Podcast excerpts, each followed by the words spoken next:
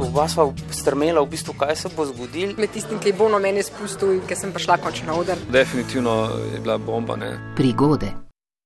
Tokratna prigoda je času primerna, ko ima mladina počitnice, presežek prostega časa pač treba zapolniti. Tri prijateljice smo se dobile na kavi in iz čizga dolg časa in iz nagajivosti smo rekli, gremo nekomu nekaj ušpičet, že dolgo nismo. Špela z družbo tako, kaj kmalo pride do resnično genialne poletne ideje.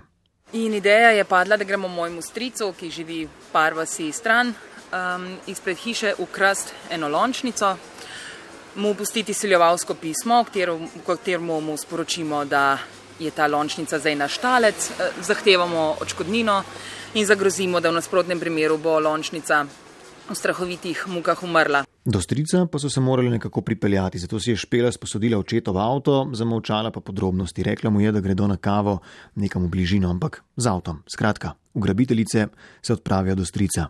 Pripeljali smo se v vas in parkirali avto, ne vem, mene dve, tri hiše stran, v nekem sadovnjaku in se podale k hiši. Mislili smo, kako smo pritajene, kako smo tihe, kako smo profesionalne. Um, ukradli smo največjo lončnico, kar smo jo našli.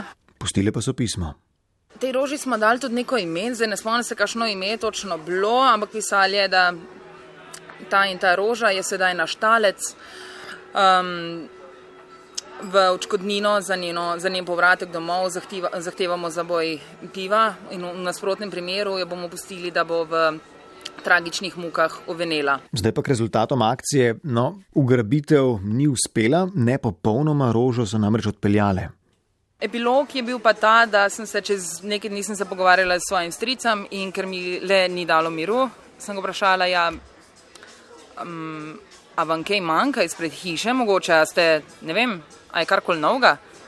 In je rekel, čisto smrtno, res prav, ja, Ja, jaz sem vas slišal, znam, če ste okrog bajte, ste šarle neki. Zakaj pa niste notri na kavo prišli? Izginot je torej ni opazil, pa še ena malenkost z izposojenim avtom, avtom špiljenega očeta, ki so mu rekli, da gre dole na kavo v sosednjo vas.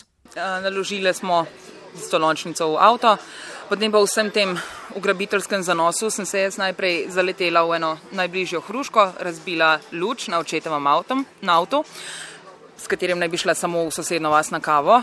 Um, ja, in tudi moj oče, po tistem, seveda, je opazil razbito luč, uh, opazuje pa tudi, da se je na števcu pojavilo nenavadno veliko kilometrov, tako da od takrat naprej ne ugrabljamo več. Poletje torej prinaša različne zgodbe, kakšno je prineslo vam morda um, tudi letos, sicer pa izpred let. Prigode zbiram na nec.jemecaf na rtvslo.si ali na telefonski številki nič ena 475 2202.